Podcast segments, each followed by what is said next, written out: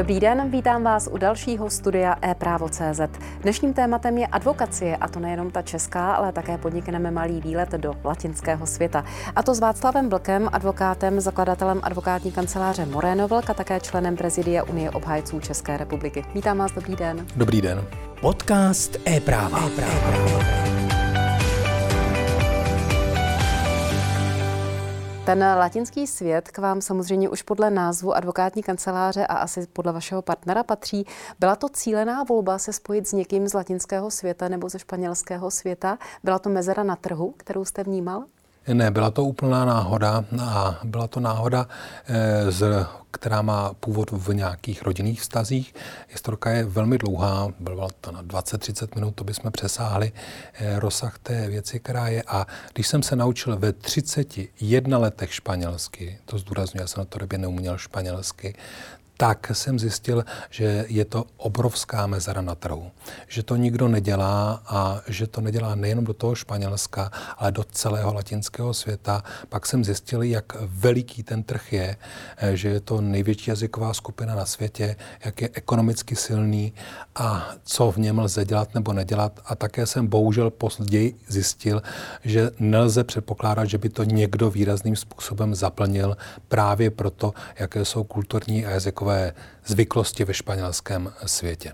Jaká agenda vám tím vznikla a věnujete se jenom té, anebo jste i ten klasický všeobecný advokát, který bere i ty klasické české klienty? Kolegové, kteří nás znají, vědí, že my jsme klasičtí čeští advokáti. Já sám preferuji problematiku rodinného práva, odpovědnostních vztahů.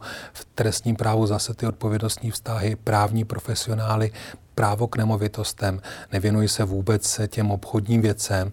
Ovšem pod námi je skrytá, utajená velká obchodní kancelář, která ale na tom českém trhu nepůsobí konkurenčně, takže mm-hmm. kdo se o to nezajímá, tak to neví. Eh, a ve Španělsku jsme na tom velmi podobně, ovšem s velkým rozdílem, že pan Moreno, který to se mnou založil, eh, který v kanceláři už působí jenom na té nejvyšší pozici ta kancelář je veliká. Vypadáme jak malí advokáti z Karlína, ale je to velmi velká kancelář.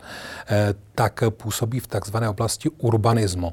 To je jednoduše přeloženo něco jako developerství. Není to přesný ekvivalent ve Španělsku, jsou jinak strukturovány právní služby a tam jsou pod ním veliké firmy, které čítají řádově desítky lidí, ale nejsou organizovány strukturou tak, jako je ta advokacie. Takže vedle toho je maminka, to je ta Moreno Asociados ve Španělsku, v Madridu, v Čechách a v Bratislavě. Uh-huh. A ta agenda celková, to působení advokáta v latinském světě, když jste zmínil, že je jiné to postavení, že celý ten svět působí jinak, přiblížíte nám tu odlišnost? Eh, v zásadě oni dokáží rozlišit v tom latinském světě, co ten advokát dělá a kde to dělá jsou advokáti procesní, kteří působí eh, před soudy. Těch je relativně málo, eh, tak aby řešili nějaké kauzy, protože ve Španělsku, aby člověk mohl působit, musí mít vedle sebe ještě prokuradora. To jsou speciální osoby, v Čechách také existovaly do 16. století, z nich se vyvinul ten státní zástupce, nám dneska známý, ale jinak je to soukromý zástupce fyzické osoby. A pak tam je řada eh, asesorů. On tam je brán advokát jako někdo, někdo, kdo pomáhá, účetní poradce, daňový poradce, ale ne někdo, kdo je vysokým profesionálem, ale kvalifikovaným tajemníkem. Tak je to hmm. tam bráno. A rozlišit toho kvalifikovaného tajemníka od eh, advokáta v našem slova smyslu je pro neználce prostředí prakticky nemožné. Eh, já to přiblížím k jednoduché věci. My jsme sídlem v Madridu a v Madridu, který má 5 milionů obyvatel, celá ta, celá ta area, tedy ta oblast, tak je 85 tisíc advokátů. To znamená, je naprosto jasné, že ty advokáti advokaci v tom slova smyslu advokaci nevykonávají.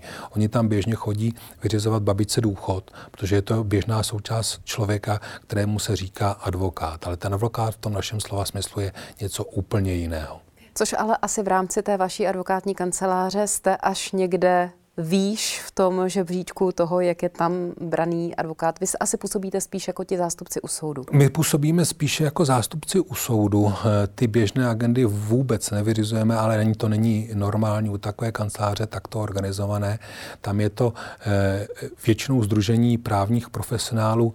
Nechci přirovnávat takovým modelům, jako jsou z Velké čtyřky, kdy mají organizované účetní a daňové poradce dohromady, ale je to tam, ale poskytuje se to i ve středním sektoru, středním běžným zákazníkům. Mm-hmm.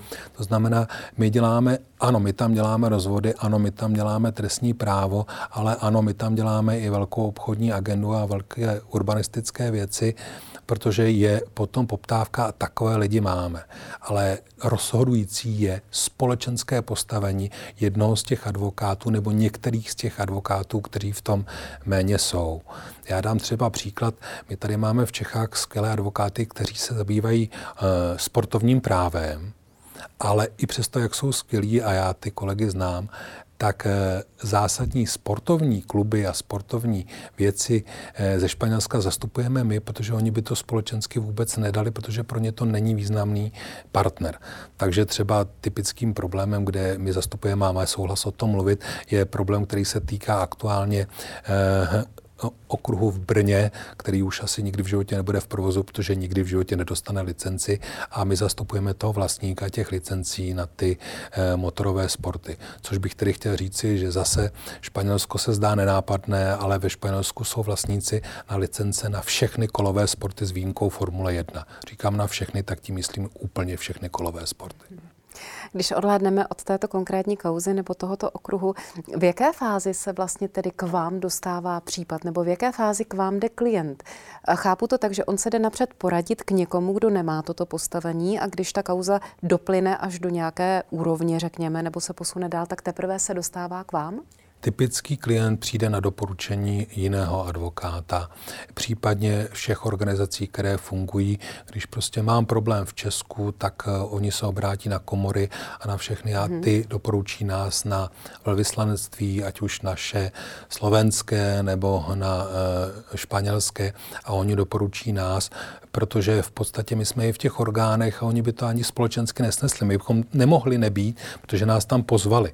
Tam je skutečně ta společenská část toho zastupování tak významná, že tvoří víc než 50-60 toho zastupování v té věci samé, pokud se týká biznisových záležitostí. Mm-hmm. Jak vypadá vaše agenda tady v České republice? Já jsem obyčejný advokát z Karlína, já to vždycky říkám. Já dělám rozvody, odpovědnostní vztahy, náhrady škody, jsem trestně právní obhájce a dělám vedle toho tedy ještě zastupování právních profesionálů to je moje běžná agenda, takže jsem opravdu běžný advokát. Takže ne, že by tady žijící Španělé nebo mm, cizinci z latinsko-amerického světa se na vás obraceli? To ne, oni, oni chodí k těm kolegům, kteří jsou u nás v kanceláři jaksi druzí, ne, kteří jsou pod tím jménem a když se pak s nimi společensky setkáte, tak říkají, mě zastupuje Václav. E, tam je to běžné, tam si mm-hmm. většinou ty li, lidé si tykají, tam se lidé nevykají, to je znakem vysokého formalismu, takže, ale nepovažují za nutné a oni by to nebrali ani jako za vhodnou věc, že bych s nimi chodil k soudu. Protože to je znakem toho, že jsem tak chudý nebo jsem tak společensky nízko postaven, že si musím vzít advokáta, který je se mnou. A já mám na to, jak společensky, tak i ekonomicky, abych si vzal advokáta, eh, který je firma a který má skvělé lidi, kteří tam jdou se mnou a ještě pod nimi jsou další a další. Mm-hmm. Zajímavá, zajímavá strategie a zajímavá vůbec struktura celého toho systému. Asi už jsme ho probrali poměrně hodně, i když by to bylo na dlouhý pořad, ale vy jste navrhovali ještě další témata a jedním z nich je kárná advokacie. Zase se zeptám, vy jste už zmínil, že působíte v těch oborech, které jste jmenoval. Proč jste navrhoval zrovna toto téma? Nějak vám rezonuje? Já už druhým volebním obdobím působím v odvolací kárné komisi. Jsem tam jeden z mála trestařů, většinou jsou okolo nás civilisté a vidím tu praxi. Vidím tu přísnou praxi komory, vidím věci, které se dostávají před komoru a musím říct, a pochválit komoru za to, jak přísná je, jak je spravedlivá, jak se schopná s těmi rozhodnutími vypořádat. A mohu to srovnat i s rozhodováním nejvyššího správního soudu ve všech těch ostatních právnických profesích. A bohužel to řízení je neveřejné a musí zůstat neveřejné. O tom není žádná diskuze. Ale prostě ta rozhodovací praxe je dobrá.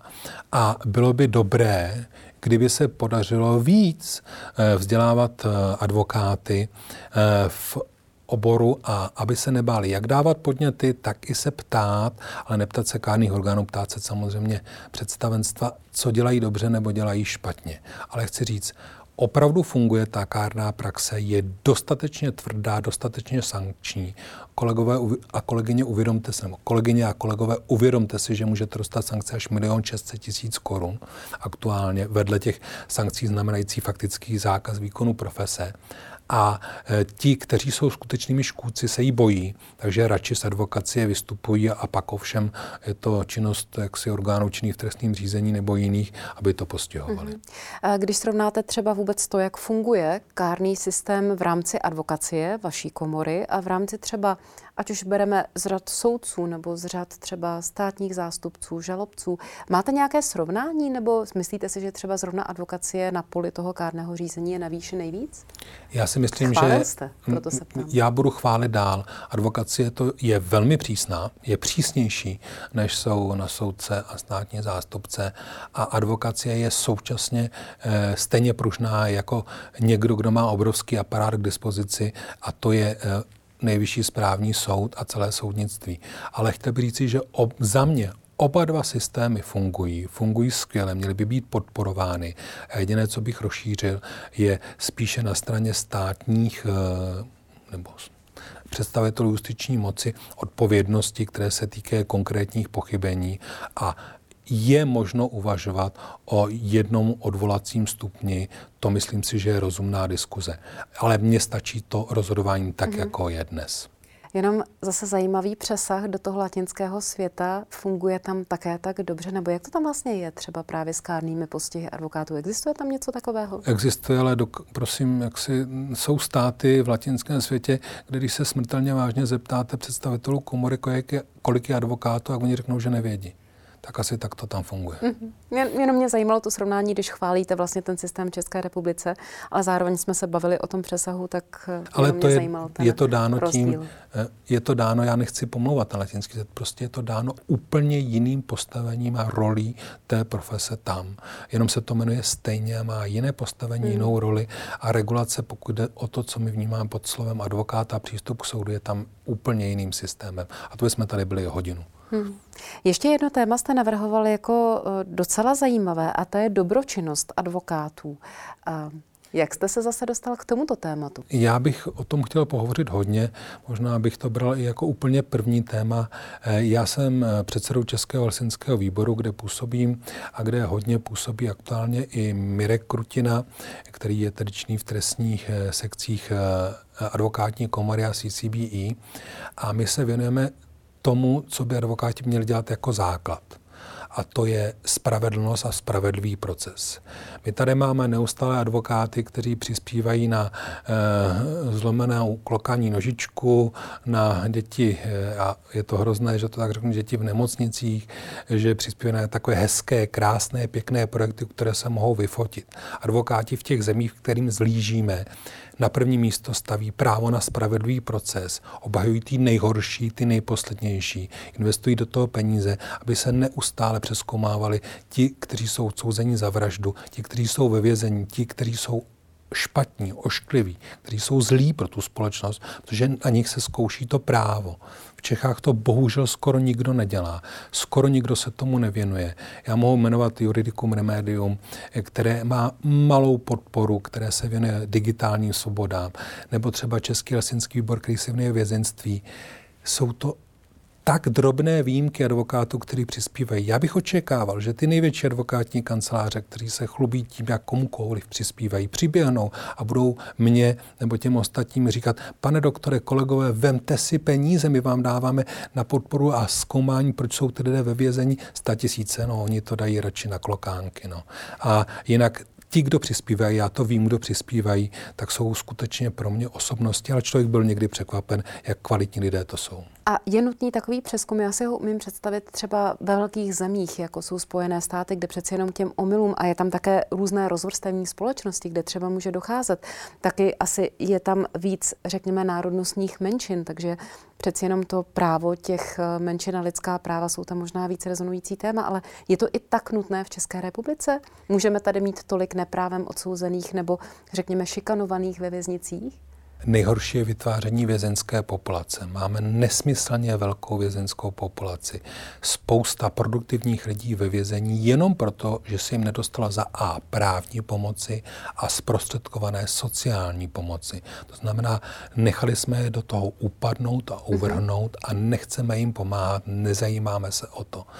Přesto a musím vyzdvihnout vězenskou službu a částečně ministerstvo spravedlnosti, které dělá v rámci možností, co může. Ale přece my jako právníci jsme tady na obranu práv občanů. Takže mám první křičet ne za všechno trest svobody 20 nebo 30 let, ne za všechno 18 let trestu odnětí svobody, ale návrat do společnosti, očkodnění, aby ten člověk už to nikdy neudělal, ale ne cestou trestu, ale cestou pomoci. Ta pomoc je strašně důležitá. Podívejme se do všech států, kde to funguje. O přeskoumávání ústyčních omylů nejde. Jde o tento typ pomoci. Mm-hmm. A samozřejmě omily, ano, vys nouzový stav a ukradení dvou ruhlíků v samoobsluze. To mi bylo až stydno za to, že někdo takový rozsudek vydese a musí nechat věc dornýs až k nejvyššímu soudu, který teda samozřejmě zasáhl rychle, ale ten systém je dlouhý. Okamžitě tam mělo být 20 advokátů, kteří měli pomáhat tomu člověku a mít kvalitní právní argumentaci. A ta je přece o tom, že to není o dvou rohlících v samoobsluze tak to byla možná i extrémní doba. Myslíte si, že ještě něco takového, pokud pomineme tu covidovou extrémní dobu, může u nás nastávat, nebo to bylo skutečně vybočení pod vší tou tíhou, kterou jsme tehdy prožívali? Nastává to neustále. Teď je proboha, I v tom běžném provozu. I v tom běžném provozu. Teď za znásilnění jsou podmínky a za e, fiktivní krádeže nebo neplacení de, daní z přidané hodnoty, které jsou jen na papíře, je pět let odnětí svobody co to, to je ale pro vlastně Boha. cílíme do nastavení trestů jako takový. Ale to se odvíjí od toho, že se nikdo nevenuje vězenství a trestně právní problematice, protože v obou případech se musíte věnovat něčemu, co je ošklivé. Mm-hmm. Protože jsou oškliví ty, kteří znásilňují a jsou oškliví, kteří kradou ty daně. Ale o jejich práva jde. O, a jde i ta samozřejmě o práva těch obětí, ale jde prostě o jejich práva, protože když se tomu někdo bude věnovat, tak může říct, podívej se, to je přece strašné, proč potřebujeme někoho zavřít na pět let, když chceme, aby ty daně viděla? Co když chceme hledat nějaký jiný trest? Jak to, že necháme někoho zavřít na podmínku, když se dopustil trestného činu znásilnění dokonaného v tom původním slova smyslu? Jak to, co s ním děláme, proč to děláme, kdo se mu věnoval, jakou měl právní pomoc, jakou právní pomoc měla oběť? To je spousta věcí, jenže jsou to ošklivé, nepěkné věci a špatně se stojí na tom výročním večírku, že jsem dal milion korun na pomoc vězeňskému centru. To se špatně stojí. To znamená, že mám v sobě něco víc, než že chci být jenom krásný, ale že přemýšlím ještě dál. Což je docela hezké, že zaznělo i jako takovýto veřejný podnět, protože přeci jenom věřím, že se na nás dívá teď hodně lidí a hodně i vašich kolegů. Asi je to dobré tu debatu otevírat a my jistě ještě otevírat někdy příště budeme. Pane doktore, děkuji, že jste přišel. Děkuji, moc za vám za vaše odpovědi a těším se na shledanou. Také se těším, hezký den. Mým hostem dnes byl doktor Václav Vlk, zakladatel advokátní kanceláře Moreno Vlka, také člen prezidia Unie obhájců České republiky. Mějte se hezky a těším se příště.